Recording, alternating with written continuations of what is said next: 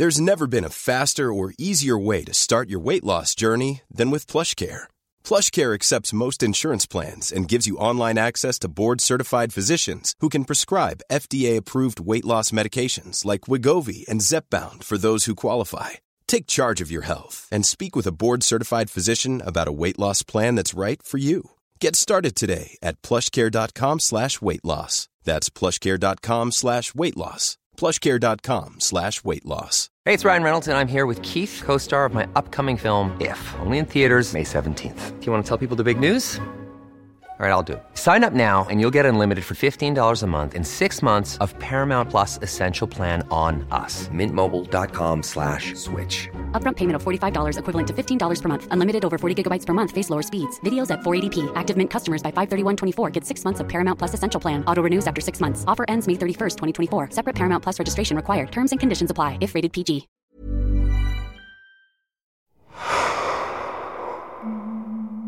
Velkommen til nyttårsversjonen av En mørk historie sin egen backstage. Formatet som ligner litt på lunsjsamtalene våre, bare med bedre research på forhånd. Vi skal snart fortelle litt om de historiene som vi jobber med nå, som kommer til dere på nyåret. Men først så skal vi ha en liten quiz. Jeg tror ikke vores troverdighet blir bedre av det her, fordi jeg har ingen idé om det overhovedet. Og så skal vi ta en liten prat om en av de tingene som vi kanskje bruker mest tid på i redaksjonen vår. De mørke sidene av samfunnet. Jeg tror ikke samvittigheten, sånn som du nevner, Rasmus, hadde vært mitt problem der. Hvis det er 1. januar når du lytter til det her, og du kanskje rydder opp etter gårsdagens fest og basar, så håper jeg at denne episoden kan gjøre dagen din litt mer behagelig. Jeg heter som alltid Lars Kristian Øverland, og det her er En mørk historie sin nyttårsspesial. Først så vil jeg ønske velkommen til produsentene bak dokumentarene våre. Juleromantiker Emilie Teige Skrattegård. Hva i all verden er det du har tatt på deg? Julegen, en av julegenserne. Julegenseren, Nei. holdt jeg på å si, men så innser jeg at det er jo bare én. En av julegenserne. Det er bra. Rasmus Nilsen Bitz live fra Cape Town. Byen med konstant motsatt årstid av Oslo. Hva er det du har tatt på deg i dag? Det er vel sånn en øh, turkisblå skjorte, tenker jeg. Og det er egentlig for å se sånn litt, litt sommeraktig og litt respektabel ut. Uh, ligesom en riktig tv-journalist, så har jeg ikke noen bukser på, selvfølgelig, nedenunder bordet. Men Og best av alt, hvordan mange knapper i skjorta skal være åpen, Rasmus. Ja, i hvert fald mindst to. Men vi begynner med den lille quizen, og den kommer fra redaksjonen sin TikTok-korrespondent. Emilie, ja, TikTok-korrespondent. Det unge alibiet på 32. uh, ja, uh, det stemmer. Jeg har jo um, tatt med meg to først sånne eh, helt sånn trivia-type spørsmål, og så et lengre conundrum til dere etterpå. Em, og dette conundrumet kommer jo da selvfølgelig fra, fra TikTok.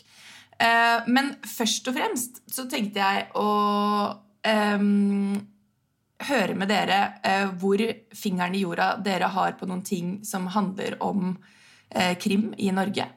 Så da er det rett og slett to trivia-spørsmål på det, og de som lytter til, kan love lover jeg å gi tid nok til å tenke de også. Og det første eh, er jo eh, cirka hvor mange mennesker blir meldt savnet hvert år i Norge?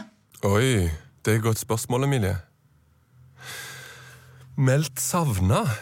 Så det vil så si det er ikke dem, som nødvendigvis forsvinner, men dem, som andre er bekymret for, for er forsvundet.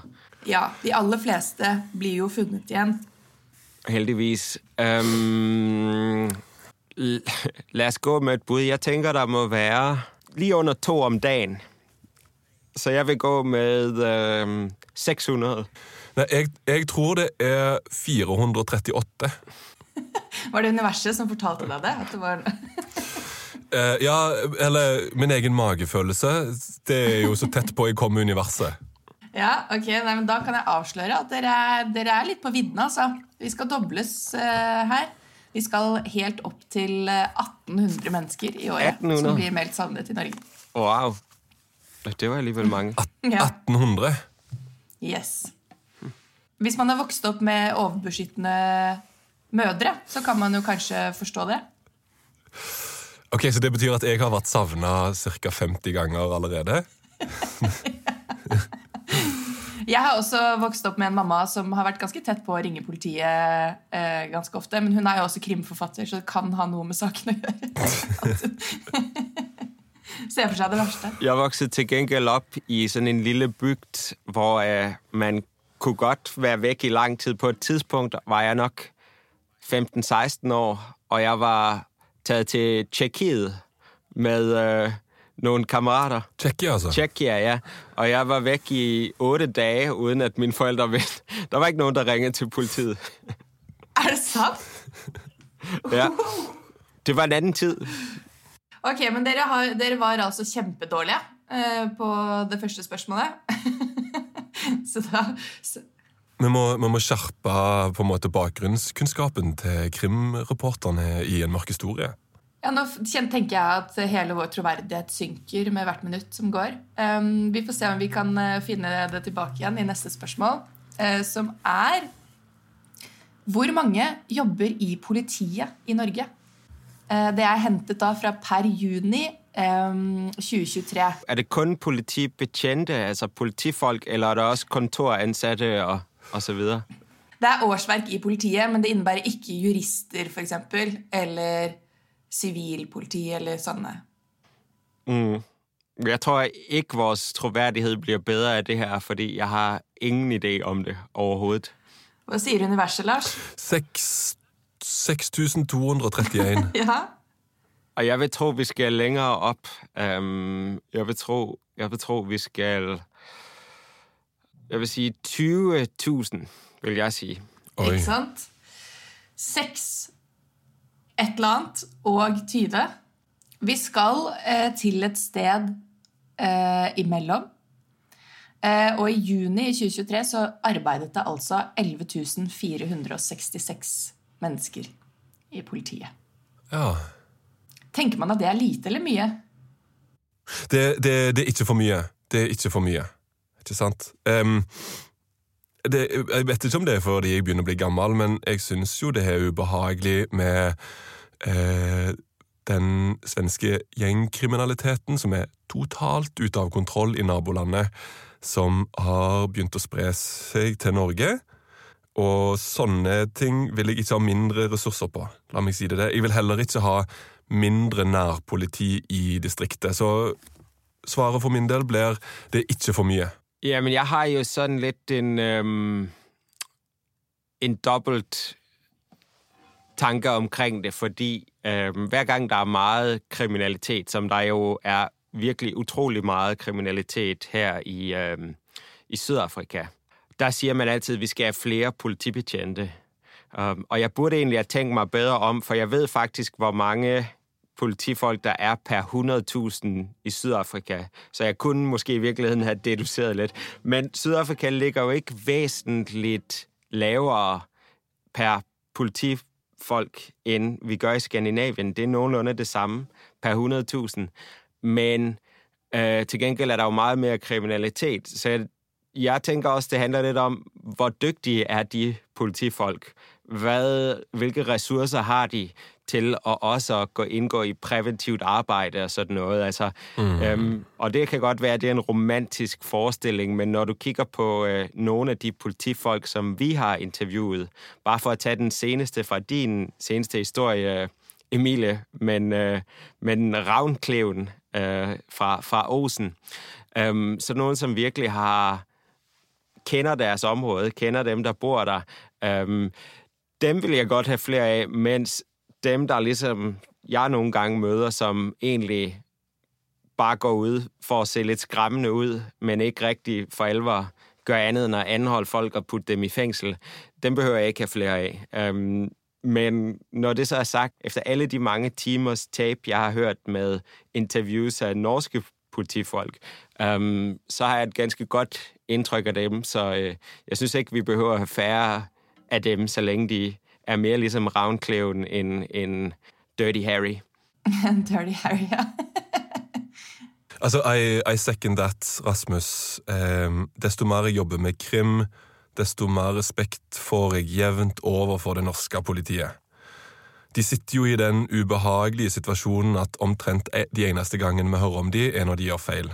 Det er vel få som har et, får et, har et mer skeivt offentlig bilde, tenker jeg nå, enn en, en politifolk i Norge. Altså, de er jo de er jo mer ensidig vinkla i nyhetssakene enn politikere. Som du sa, Rasmus, så um, snakket jeg med denne Ravnkleven på min eh, forrige historie. Uh, sånn at, um, og da er jeg ikke til å stikke under en stor at jeg ble rimelig fan uh, av den uh, fyren der. sånn at jeg mener jo at bare alt det han sier, er det riktige. Så jeg, min store fanesak i livet de siste månedene er gjenoppretting av lensmannskontorer. Um, så, så der, der, har du, der, har du, meg. Men jeg satt faktisk og tenkte på, fordi jeg så på Die Hard her forleden dag uh, For det er jo også en julefilm. Yippie-ki-yay, motherfucker, osv. Uh, og da um, tenkte jeg på at på 90-tallet så var det veldig mye Altså det var oftere politifolk som var gøye, kule, runde, morsomme politifolk som var karakterer i disse filmene. For han har jo en sånn kompanjong på utsiden, han her John McLean i denne filmen, eh, som er en sånn varm, kul politimann. Så jeg tenkte sånn, det, det kan man jo eh, ikke, ikke, gjøre i dag. Og det er jo en helt Altså, på, på tvers av kloden vår, eh, opplevelsen av verdien av politiet er jo Eh, helt snudd på hodet på noen, noen tiår nå. Men eh, hvis alle bare hadde vært som Ravnkleven, så hadde det gått bra. Jo, men jeg er helt enig med deg, Emilie, på flere nivåer. Altså Først av alt, hvis det er noen av lytterne våre som ikke har hørt serien til Emilie, gå inn og gjør det. Det er en fantastisk feelgood krimsak, eh, som er et, mer et portrett av et bygdesamfunn. da. Eh, akkurat det med en mørk historie som regel forsøker å gjøre, eh, krimsaker fra, på en litt annen måte. Eh, men jeg tenker jo Ravnkleven han fortjener sin fangirl. Og Ego har en enorm forkjærlighet for den gode, gamle lensmannen som kjente bygda si. Ikke sant? Altså, Det kan jo i noen tilfeller helt sikkert gå virkelig galt. Det er jo litt som, som eh, opplyst enevelde. ikke sant? Det funker jo bare hvis kongen er bra. Eh, mm. men, men eh, vi hadde jo en lignende karakter i seriene som vi lagde, Rasmus. Eh, Lærdalsbrannen. Magne Knutsen. Mm. Ikke sant? Han var jo en sånn fyr som, som, virkelig kjente bygda si. Men det var òg altså under denne brannen, da, som trua med å, å ødelegge hele Lærdal, så litt så, så kjente han kanskje ikke bygda si godt nok fordi det var en som kom bort og spurte om han kunne hjelpe politiet. Og han fikk en gul politivest på seg, og så fikk han beskjed om at i dag er du en av oss. Du skal hele veien gå med en eh, politibetjent, men du, du skal være med oss og evakuere folk og hjelpe til. Og han fyren her han var jo på et tidspunkt Han ble filma av TV 2-nyhetene. Han var oppå et tak og slukka en brann med politivesten sin. Neste dag så, så fant jo denne lokale lensmannen ut at han fyren sona med fotlenka. Altså, en fyr som sona med fotlenka, var politi den kvelden. Og det er jo sånn Men det gikk jo kjempebra. Ja, Det er jo også en historie som gir sånn tro på menneskeheten. At når det virkelig liksom trengs, så trår alle til fra alle forskjellige deler av samfunnet. Jeg syns egentlig det er en litt vakker historie. Da er vi nok også tilbake til det, som vi egentlig på en måte alle sammen litt sier, det er jo, at vores inntrykk er, at de riktig gode politifolk, liksom de riktig bra journalister for den sags skyld, de er ikke riktig sådan regelryttere. De, øh, de holder seg ikke nødvendigvis til lovens punkt og prikke, men de tager en selvstændig vurdering og gjør det, som de finner bedst, baseret på erfaring, instinkt osv. Um, og det er jo klart, at i den situation, så er det vel bedre, at han, um, at han hjelper med å slukke branden, end, end han sitter hjemme med, med fodlænken. Here, Ja, here. og jeg, jeg tror ja, og jeg, jeg, jeg tror jo ikke nødvendigvis at det sto i rapporten til Magne Knutsen etterpå, men han, han konkluderer jo på, med, altså på opptaket med at han gjorde en skikkelig god jobb. Ok, da eh, eh, skal vi over til grunnen til at dere kaller meg eh, TikTok-korrespondent. Og det er fordi jeg har tatt med meg eh, et spørsmål som for tiden trender på TikTok.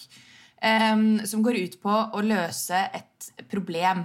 Eh, og jeg tenker at vi tar noen svar fra dere først, eh, gutta. Og så har jeg noen bud fra eh, The World Wide Web etterpå eh, på liksom toppsvarene. Og, så kan vi kanskje i fellesskap eh, komme frem til hva som er det beste svaret. Spørsmålet er som følger. Hvis du vet at FBI kommer på døren din om 20 minutter, og du er nødt til å gjemme en binders et sted i hjemmet ditt, hvor gjemmer du den? Altså, vi, vi må jo ta utgangspunkt her i at eh, det er FBI. Altså, det er de beste som kommer. Ikke sant? Eh, det er et veldig godt spørsmål. Eh, ja. Eh, hva tenker du, Rasmus? Jamen, jeg har faktisk et, øhm, et noget, som er testet i historien, som, som jeg tror fungerer. Øhm, og vi skal tilbage til 80-tallet, hvor min øhm, kones familie flyttede fra Sydafrika til USA. 80-tallet var jo ikke et særlig... Det så ikke så lyst ud. Det var ligesom the dark days uh, of apartheid. Tingene de så ikke så godt ud i, i Sydafrika, så der var mange, der forsøgte at komme sig væk, hvis de kunne. Og, øhm, og det gjorde hendes familie også. Øhm, de skulle til USA. Men regeringen ville heller ikke have dengang, at man tog for mange penge og verdier med ut av landet. Um, så de hadde et problem, og det var, at de skulle forsøge å sælge alle deres eiendeler i Sydafrika, og så ta dem med, uden at myndighetene oppdaget det. Og det, som de gjorde, de gjorde, at de solgte alt, hva de eide, og så købte de en lille diamant, og den øhm, tabede de inn i øh, koden min søsters blæ. Altså ind i blæen. Bleie, altså. Ja, bleie. Så, så tabede de den ind i øh, babyens blege og gik på flyet og igennem grænsekontrollen, og der var ingen, der, der fandt den. Jeg er så heldig, at jeg har en, øhm, en baby derhjemme, så jeg vil simpelthen gøre det samme. Jeg vil tabe den ind i, i blejen, og så, øh, og så håbe på, at der ikke var nogen småbørnsforældre blandt de her FBI-folkene, som, øh, som kom med. Det vil være mitt bud. Ja, Den er ikke dummen, da. Hva tenker du, Lars? Det er ganske bra svar, det. Ja, det er et bra svar, altså. Det er et bra svar, men um, jeg tror fortsatt at FBI hadde funnet den, Rasmus. De er smartere enn tollerne på flyplassen, altså. Jeg tror de hadde sjekka bleia. Jeg- altså, jeg satt og tenkte på det her i går, eh, Emilie. Når jeg satt i leiligheten min, så satt jeg i lenestolen, så kikket jeg meg rundt, og så tenkte jeg sånn Hva hadde du gjort hvis du hadde ø, kort tid på deg? Så tenkte jeg først sånn Jeg har liksom bytta tak på badet, så tenkte jeg sånn jeg, Kunne jeg lagt den inn i spotten, og så satt spotten opp igjen, men jeg tror FBI hadde funnet den, og så tenkte jeg sånn Hadde jeg bare hatt hunden som jeg vokste opp med, en sånn svær riesenschnauzer vi hadde på gården, altså den spiste alt. Altså En gang så bæsja han ut en lang tau. Eh, den, øhm, men eh, så jeg tenker sånn, jeg hadde kanskje tatt bindersen inn i et sånt kjøttstykke, og så hadde jeg gitt til hunden. Eh, den hadde, den hadde svelta den rett ned. Men jeg har jo ikke den hunden lenger, så til slutt så landa jeg på at jeg tror jeg hadde tatt ut nåla i pickupen til LP-spilleren min. Og så hadde jeg satt bindersen inn istedenfor den nåla. Og så har jeg én kurs i stua mi som ikke gjorde, sånn at jeg hadde spilt LP med å koble mikseren til den kursen, og da hadde sikringen gått. Sånn at hvis politiet liksom lurte på hvorfor jeg ikke kunne spille LP, eller noe sånt, så er jo fortsatt forklaringen at sikringen på mikseren hadde gått. Det, det tenker jeg var liksom, det, var det var det jeg kom fram til, da. Det var elaborate. Det var veldig bra. Så må du bare håpe på, at uh, ingen av FBI-agentene de var DJ's i fritiden. Nei, altså Hadde de vært det, så hadde de jo ikke blitt FBI-agenter, for DJ-er holder seg ikke på lovens rette side. Jeg syns jo begge disse svarene er eh, way up there. Mm, det skal bli spennende å se om dere tenker at noen av svarene til eh, TikTok-brukerne kan trumfe dere. Skal dere høre noen bud? Ja takk. En av de som går igjen, er jo eh, sånne eh, troll, holdt jeg på å si, som sier at eh, eh, Nei, jeg ville jo bare puttet bindersen i en boks med binders. Hiding in plain sight. Ja. Ja, men, men Så det er altså, det, det er så praktisk altså, får, får ikke de minuspoeng for å ikke være morsomme? Jo, jeg er litt enig i det. Så fuck det svaret. Vi hopper over det.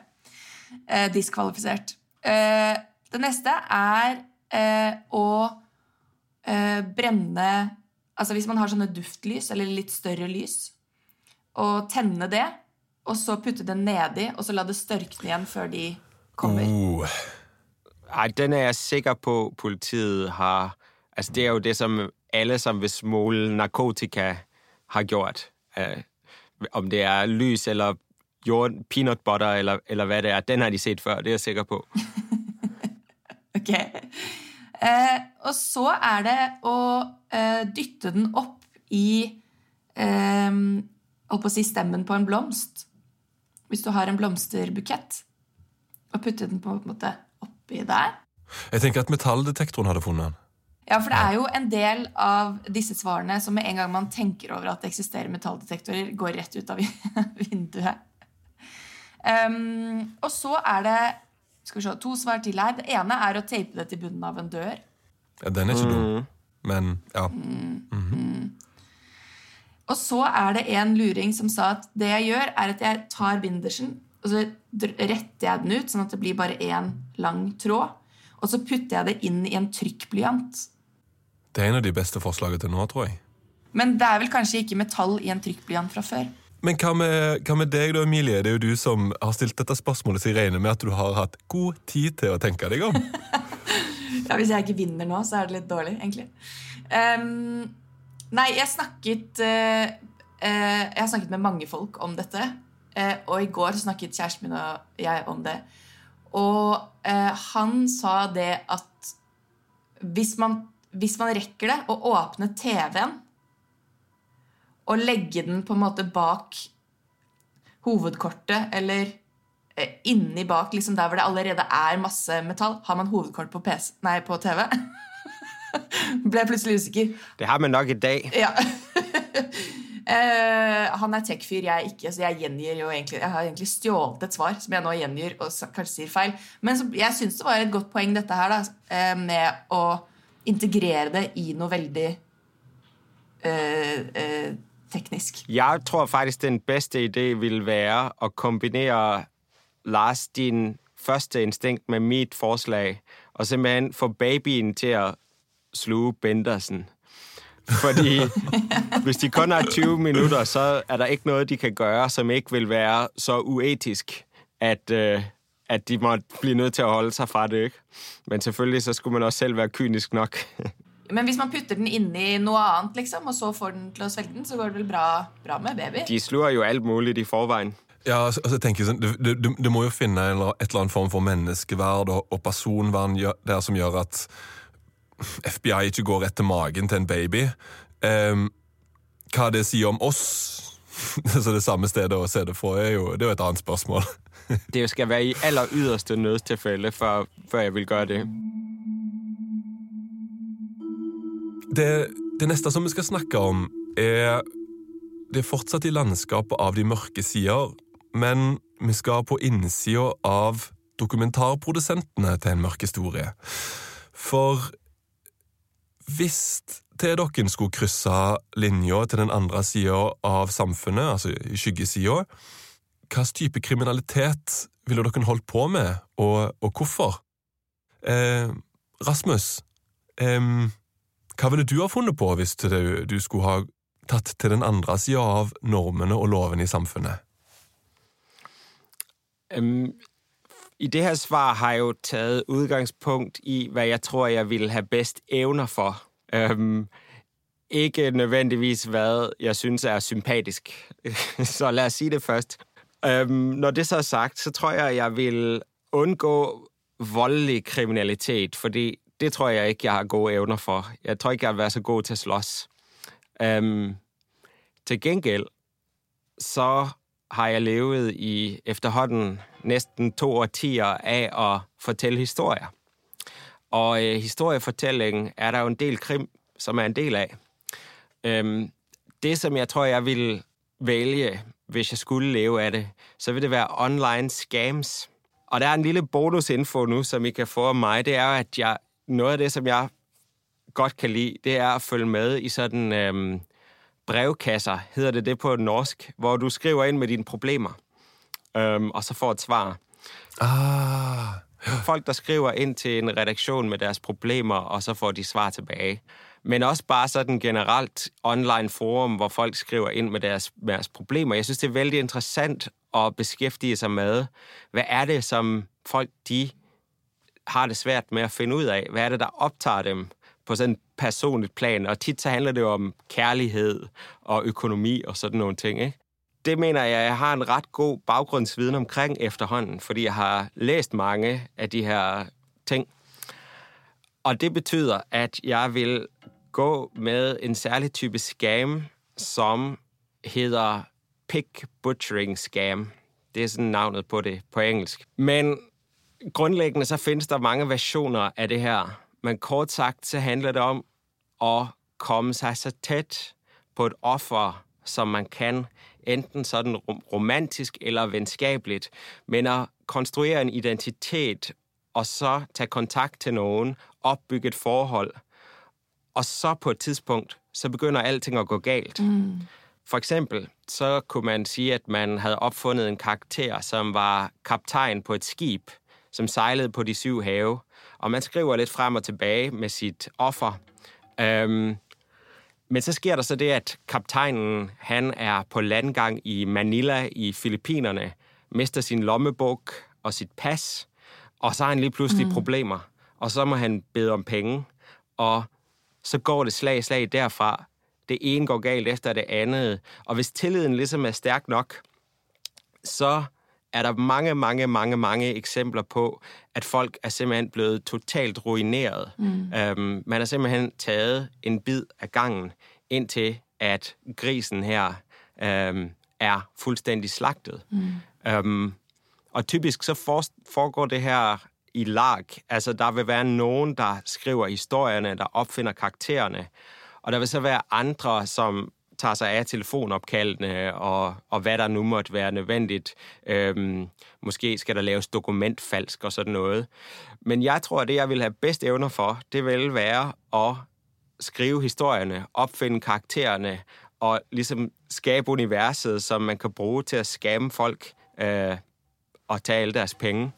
Øhm, så det er jo en ekstremt usympatisk måde at, øh, og, og, og, og måske en af de mindst øhm, sympatiske former for kriminalitet. Men jeg tror, det vil være det, jeg vil være bedst til. Jeg skulle akkurat til å liksom double down der, Rasmus. Det er noe av det mest usympatiske jeg har hørt, men jeg tror du hadde vært jævlig god til det. Det er det. Jeg tror det.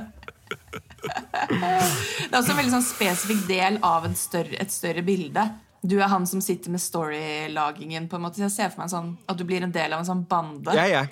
Og, og det vilde er jo det her Det er jo på en måte en udvikling af det, som begyndte med de her breve fra nigerianske prinser, som folk fik for 10-15 år siden. Ikke? Um, og jeg kender faktisk en, som engang virkelig uh, havde det hårdt, levet et hårdt liv. Han var hjemløs og øh, narkoman.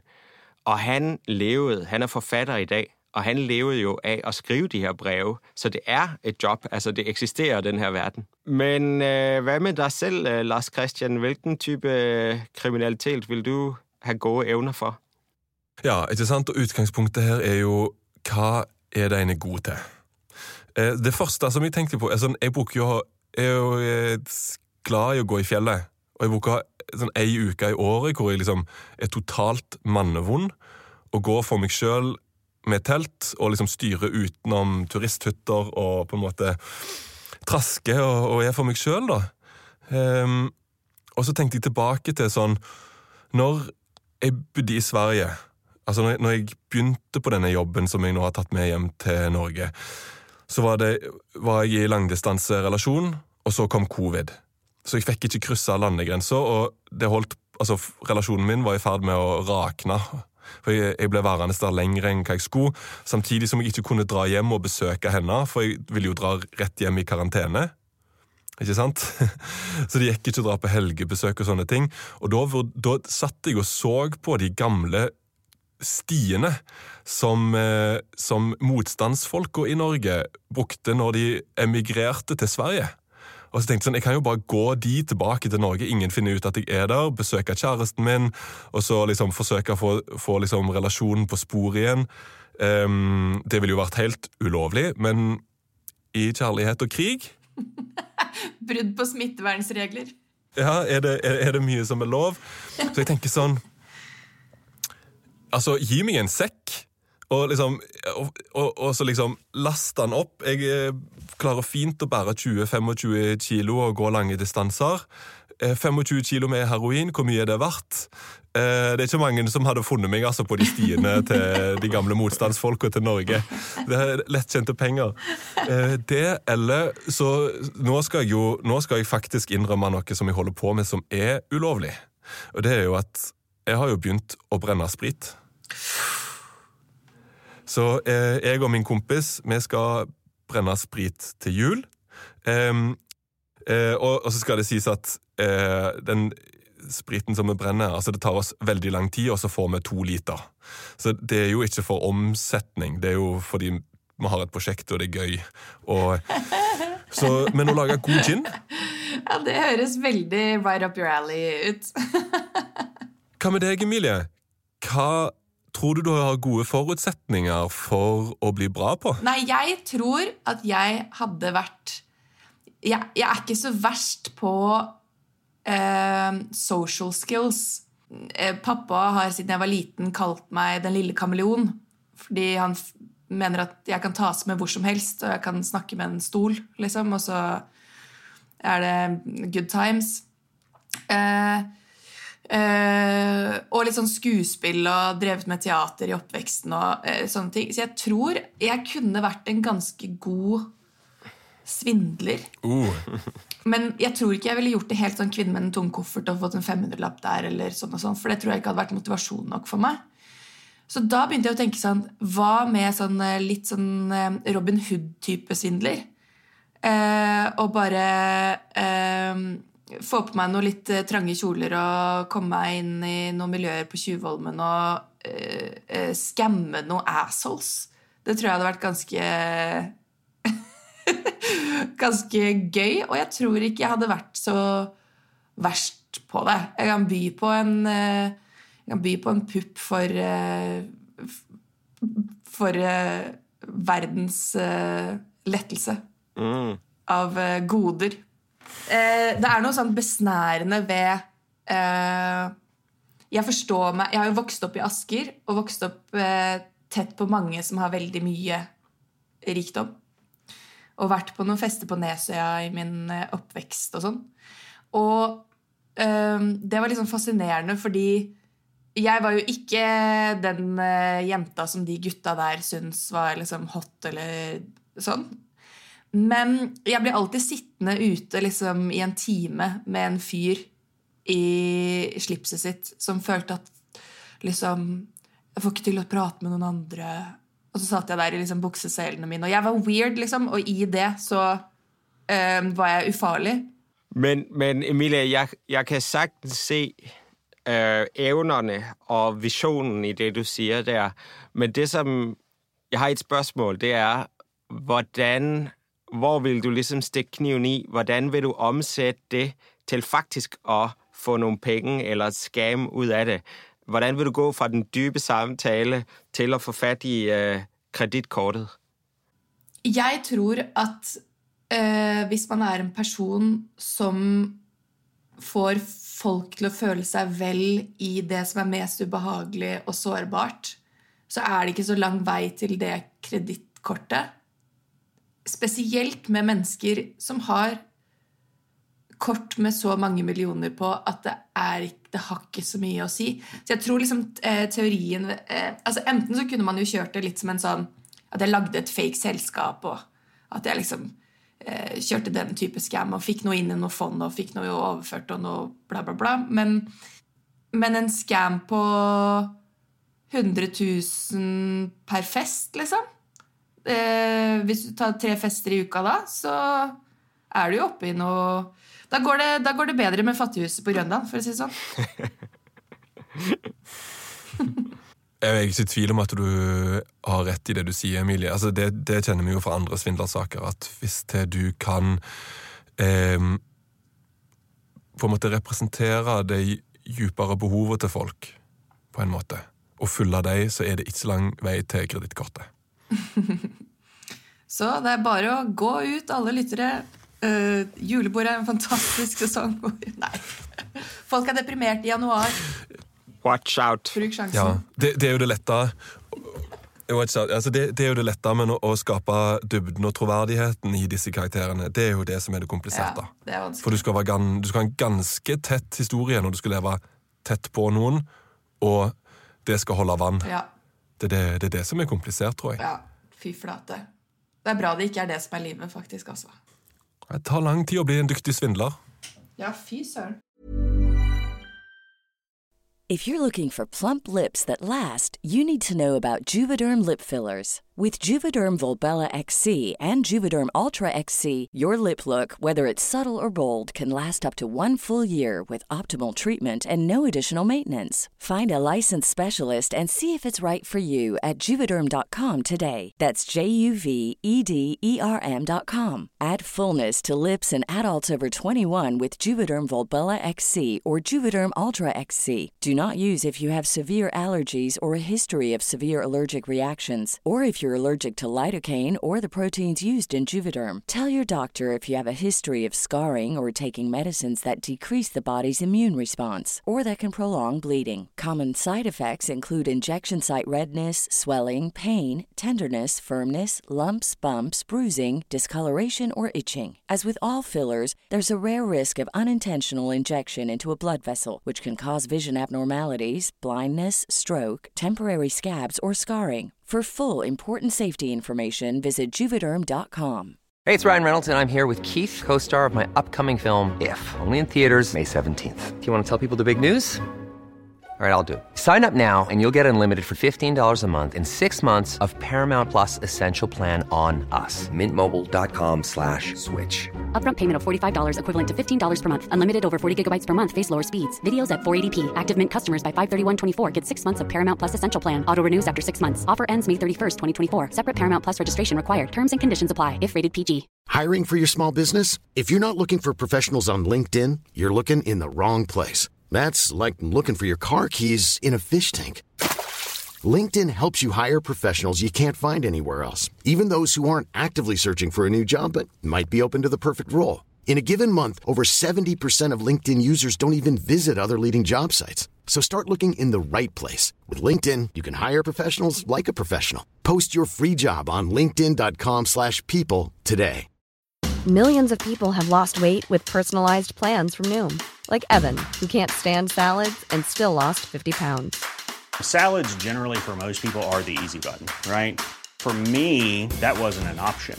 I never really was a salad guy. That's just not who I am. But Noom worked for me. Get your personalized plan today at Noom.com. Real Noom user compensated to provide their story. In four weeks, the typical Noom user can expect to lose one to two pounds per week. Individual results may vary.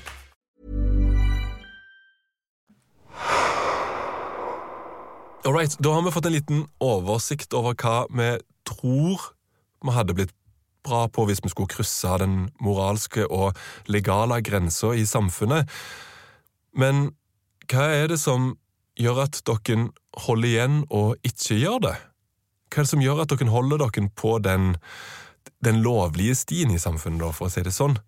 Eh, Rasmus? Lige præcis den type krim, som jeg tror, jeg vil være god til, er jo også den, som måske jeg synes er den allermest usympatiske.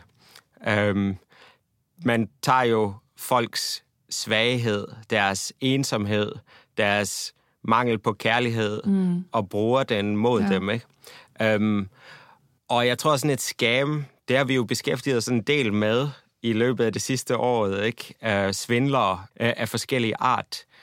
Og det er simpelthen en forfærdelig type kriminalitet, fordi det, som du gør, det er jo, at du stjæler ikke bare fra mennesker øh, deres penge eller deres ting.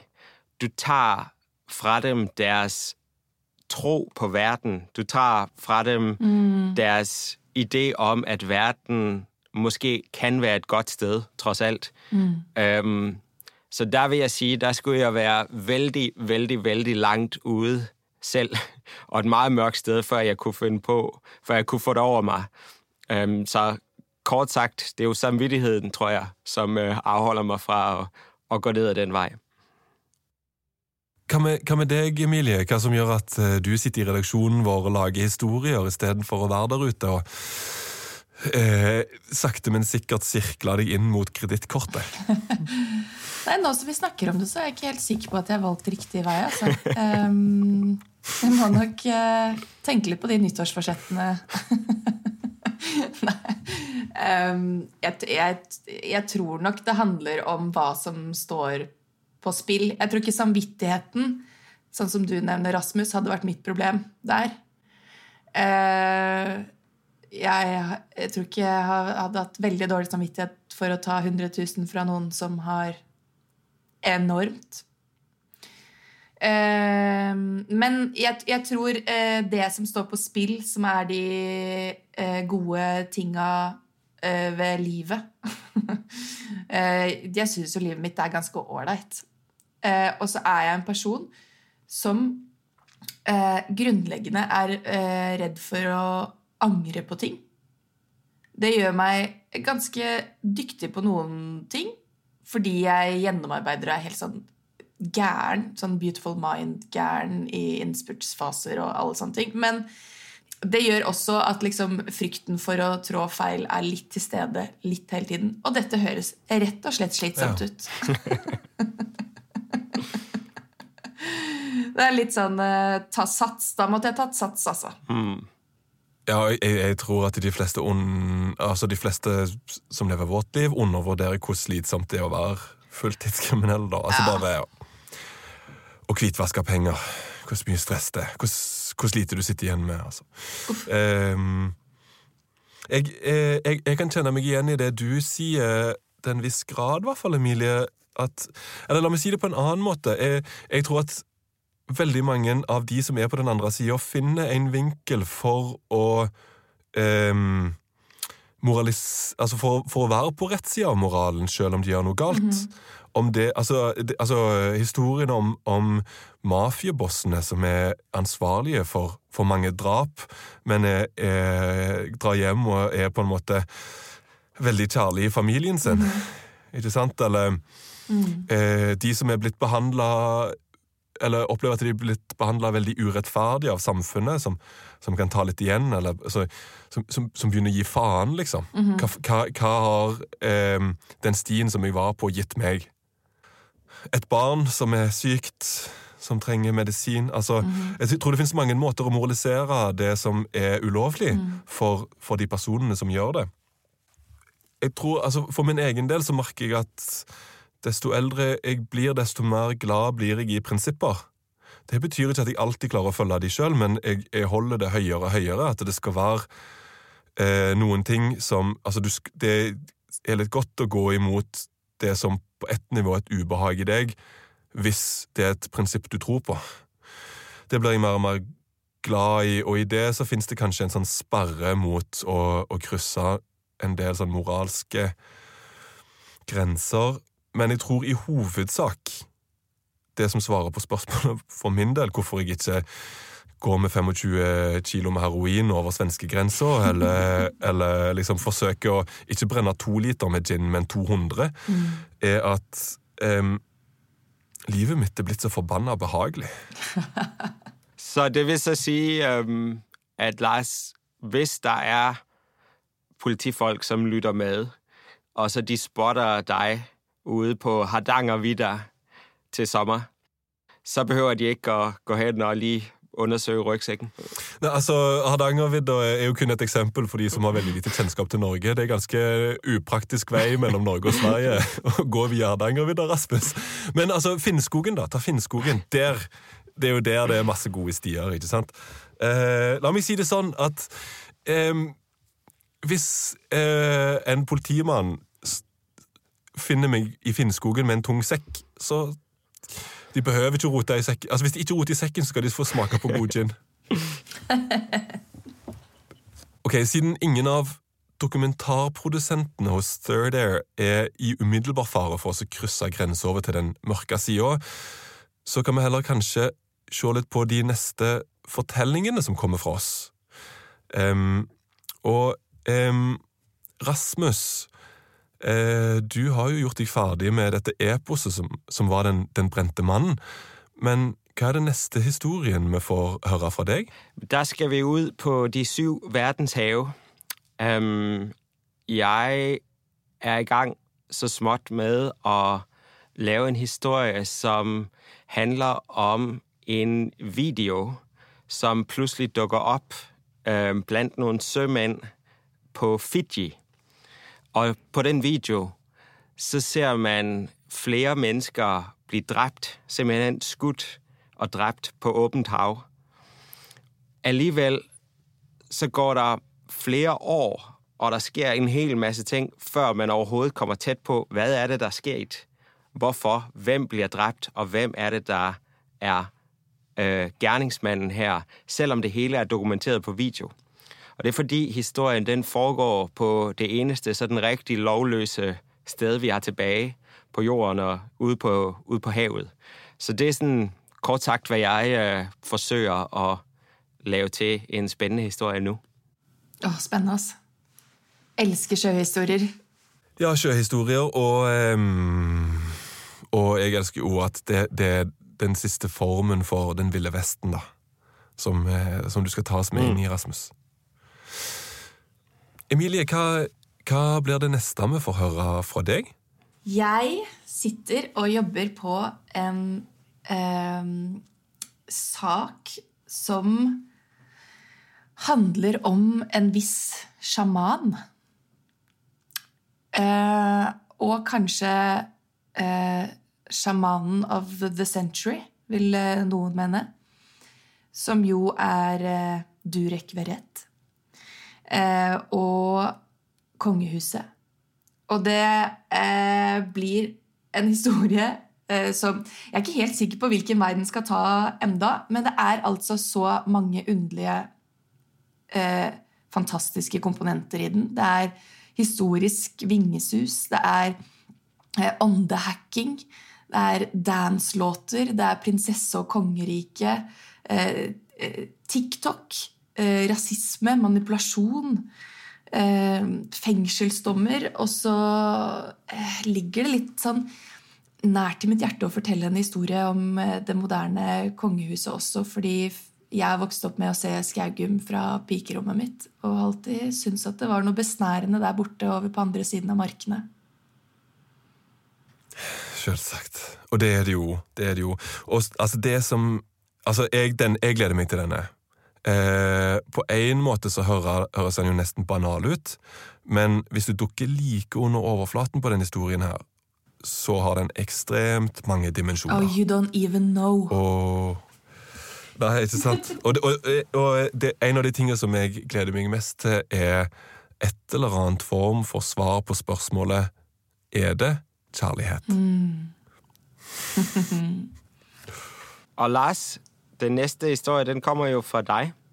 Ja, det gjør han, Rasmus. Um, hovedhendelsen er Norges verste flyulykke, som de fleste har glemt ut.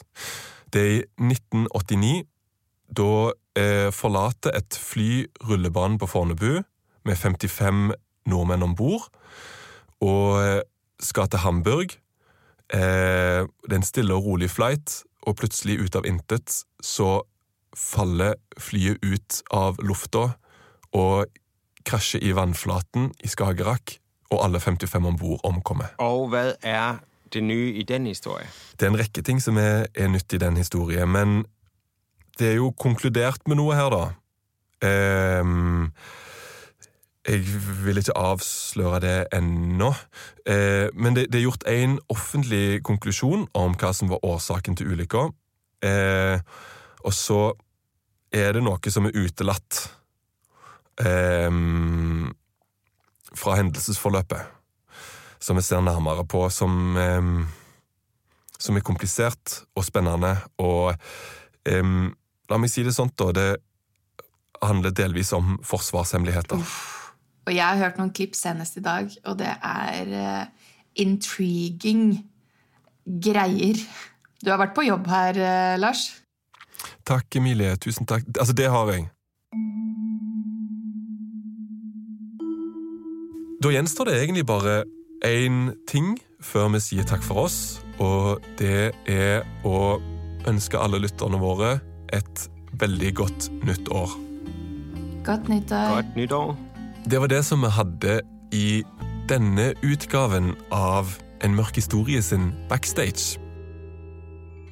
Nå har det seg sånn at flere av ideene som vi har på skrivebordet, og en av de som vi har satt i gang, er kommet fra våre lyttere. Og hvis dere har en sak som dere mener vi bør se på, eller dere har en egen historie dere tenker er viktig å få fortalt, som kan passe for oss, så må du gjerne skrive til oss på Facebook og sida vår En mørk historie. Eller du kan skrive til meg på den kompliserte e-postadressa lk.overland at thirdair.studio. Tusen hjertelig takk til alle dere som lytter til oss. En ekstra takk til dere som er abonnentene våre. Vi gleder oss til å fortelle dere en rekke nye historier i 2024. Riktig godt nytt år. Som alltid er en mørk historie laga av Emilie Teige Skrattegård, Rasmus Spitz og meg, Lars Kristian Øverland. Eksekutiv produsent på Third Air er David Mehr, og ansvarlig utgiver er Martin Jonsson.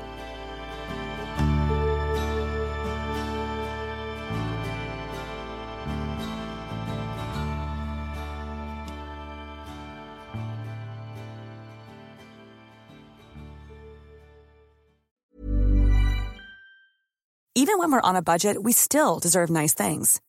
Quince is a place to scoop up stunning high-end goods for 50 to 80% less than similar brands.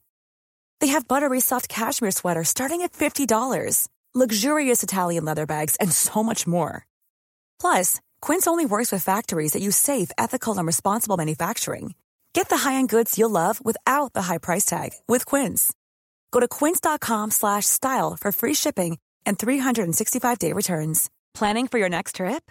Elevate your travel style with Quince. Quince has all the jet-setting essentials you'll want for your next getaway, like European linen, premium luggage options, buttery soft Italian leather bags, and so much more. And is all priced at 50 to 80% less than similar brands. Plus, Quince only works with factories that use safe and ethical manufacturing practices. Pack your bags with high-quality essentials you'll be wearing for vacations to come with Quince. Go to quince.com slash pack for free shipping and 365-day returns.